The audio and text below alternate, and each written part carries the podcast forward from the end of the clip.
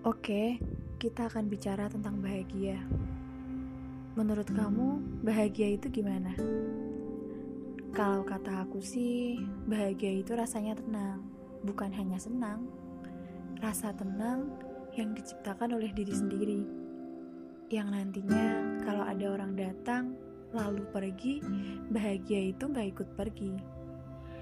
Hmm, sepertinya sampai di sini, asumsi kita tentang bahagia harus diubah deh. Jadi gini, jangan semata-mata bahagia itu yang menciptakan dia. Uh, maksud aku nggak gitu, maksud aku orang lain. Orang yang nggak bahagia itu biasanya karena galau. Entah galau karena apa, aku nggak tahu. Yang jelas, kalau masih bisa menciptakan bahagia, kenapa harus sedih? Kalau masih bisa cari yang lain, kenapa harus mikirin yang kemarin?